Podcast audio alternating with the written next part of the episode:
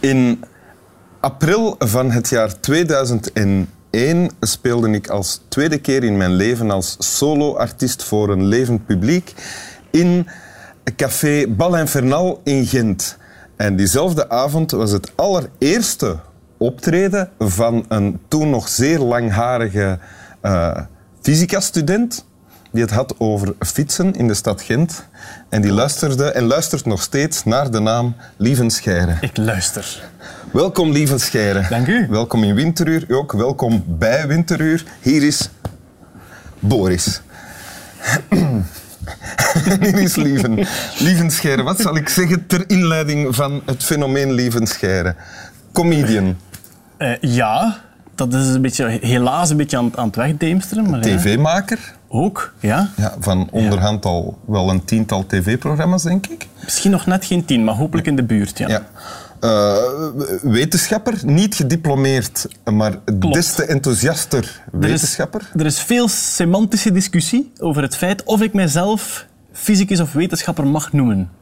En dat hangt een beetje af van welke definitie dat In welke gaat. kringen uh, wordt die discussie gevoerd? Vooral in de kringen van fysici die niet op de televisie komen. Oké. uh, Snuif, zeg je tegen die mannen. Hè? Uh, verder ook ooit hoogspringer Juist, geweest. Ja. Uh, Zelfs volgens alle semantische discussies was ik hoogspringer. Ja. ja. Uh, IJslandkenner. ja. ja. En nu op dit moment bezig aan tv-programma's en aan een boek over insecten. Ook al, ja. ja. Een anekdotisch weetjesboek over insecten. En je hebt voor ons een fragment meegebracht dat je niet uit een boek gaat voorlezen, maar... Uit een e-boek. Ja. Uit een elektronisch boek. Ja. Zoals het past voor Lievenscheire zoals we hem kennen. Uh, geekiness oblige, okay. zeggen ze dan. Ga je okay. geeky gangetje? Daar gaan we. In het Engels, hè. Dat mocht, hè. Ja. We are at the very beginning of time for the human race. It is not unreasonable that we grapple with problems, but there are tens of thousands of years in the future. Our responsibility is to do what we can, learn what we can, improve the solutions and pass them on. Dank u. Zullen we het snel vertalen voor de mensen die ja. niet helemaal mee... Dus wil jij dat doen? Uh, ja, um, uh, we staan nu aan het echte begin van de tijd voor de mensheid. Het is niet onlogisch dat we problemen hebben, dat we uh, worstelen met problemen, maar er liggen nog tienduizenden jaren voor ons in de toekomst. Onze verantwoordelijkheid is om te doen wat we kunnen, te leren wat we kunnen, de oplossingen te verbeteren en ze door te geven. Ja. ja.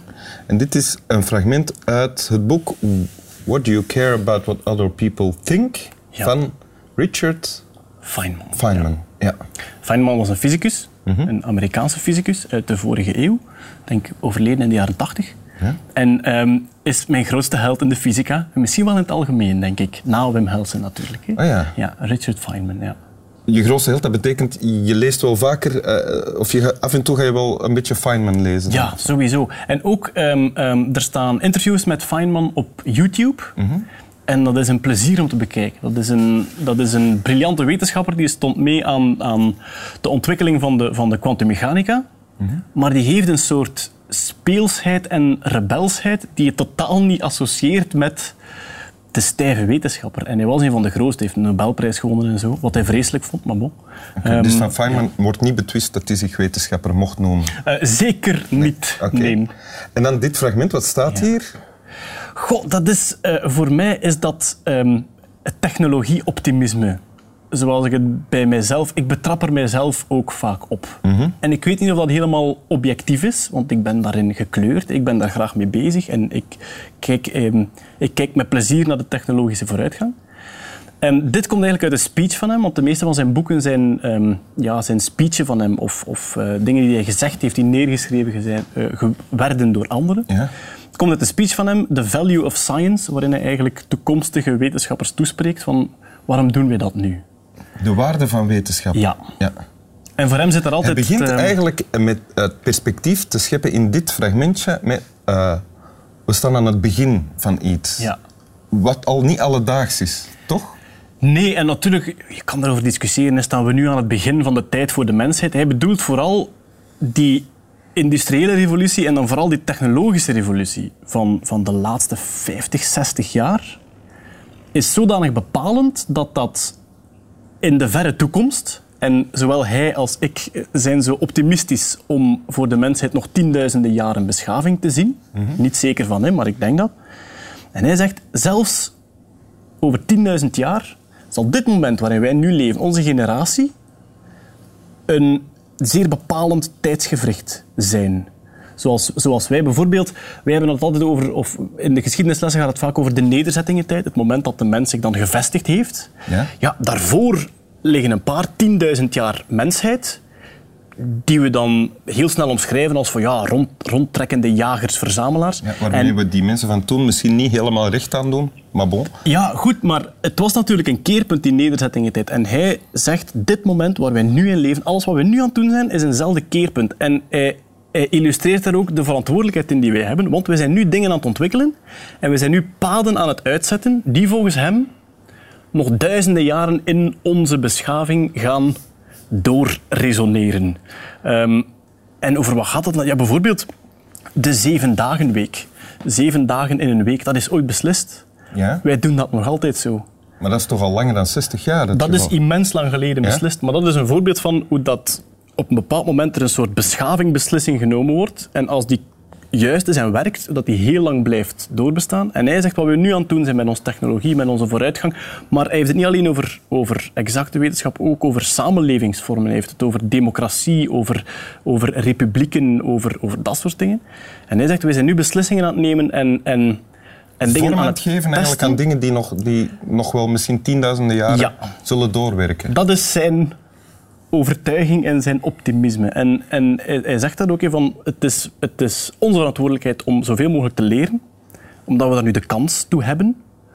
Vroeger was er meer een cultuur waarin er over bepaalde dingen, dan zeker religieuze dingen, niet getwijfeld mocht worden. En nu mag alles in twijfel getrokken worden en mag je zoeken naar hoe het echt zit. Dus wij hebben nu die kans om bij te leren, om oplossingen te verzinnen, om ze te testen en te verbeteren en te veranderen, want we, dat mogen geen dogma's worden. En dat is onze verantwoordelijkheid. En als we dat juist doen, dan zetten wij nu de paden uit voor tienduizenden jaren. Die En zijn we er dan toe? Dan? Dat weet je altijd pas achteraf. Ja. Dat weet je altijd pas achteraf. Waarom heeft de zeven dagen week gewerkt en de tien dagen week niet? Dat hebben ze geprobeerd na de Franse revolutie. Hebben ze gezegd van, we maken een tien dagen week. Oké. En dat werkt niet. Blijkbaar werkt dat niet psychologisch. maar nee. dat kan je ook maar weten door het te testen en te zien dat het niet lukt. Ja. En dat is hetzelfde met wat we vandaag aan doen. Zelfs dat ding waarop ik dat nu lees, zo- zo'n e-book, blijft dat bestaan of niet? Dat weet je niet. Hè? Nu, nu lijkt dat iets heel handig. Ja. Misschien verdwijnt dat weer. Dat, ja. Maar het is maar een onderdeel, het is maar een manifestatie van iets veel groter dan het gebeuren is. Klopt dat? Ja, maar goed, ja. Ik, zie- ik zie het toch als allemaal dat soort manifestaties. Hoor. Als, als- Ja. we, zijn, we zijn een beetje nieuwe manieren van leven. Ja. De manier waarop wij nu leven is totaal onvergelijkbaar met vroeger. Hè. Dat, is, ik heb zo'n boek gelezen, Er is Sapiens. één voorbeeld. Goh, ik ga toch het moeten algemeen schetsen. Neem een boer, het komt uit een boek van, van eh, Sapiens, heet het boek. En het, die schrijver, een, een, een ehm, antropoloog, en die zegt op een bepaald moment: ga naar het jaar 1000 en je neemt daar een boer van zijn erf. En je flitst die ofwel 300 jaar terug of vooruit en je zet die op een erf. Die gaat een beetje in de war zijn. Er gaan dingen veranderd zijn, die gaat vrij snel zijn draai vinden. Flitst iemand van 300 jaar geleden naar nu en die is hopeloos verloren. Ja. En dus dat is wat er nu aan het gebeuren is. Die tot totale nieuwe dingen uitvinden, een nieuwe manier van leven enzovoort. Oké. Of wij het eh, enthousiasme en het optimisme delen, dat kunnen we zelf beslissen. Absoluut, volledig Ehm, vrij in. maar wil jij voor ons nog één Ja. keer deze tekst voorlezen Daar komt hij. van je scherm? Ja. We are at the very beginning of time for the human race. It is not unreasonable that we grapple with problems, but there are tens of thousands of years in the future.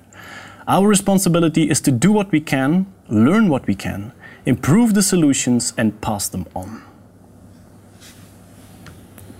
Dank u wel. Dat is gesproken. Ja, slaap wel. En pass it on. Hip uh, touch. Op het einde van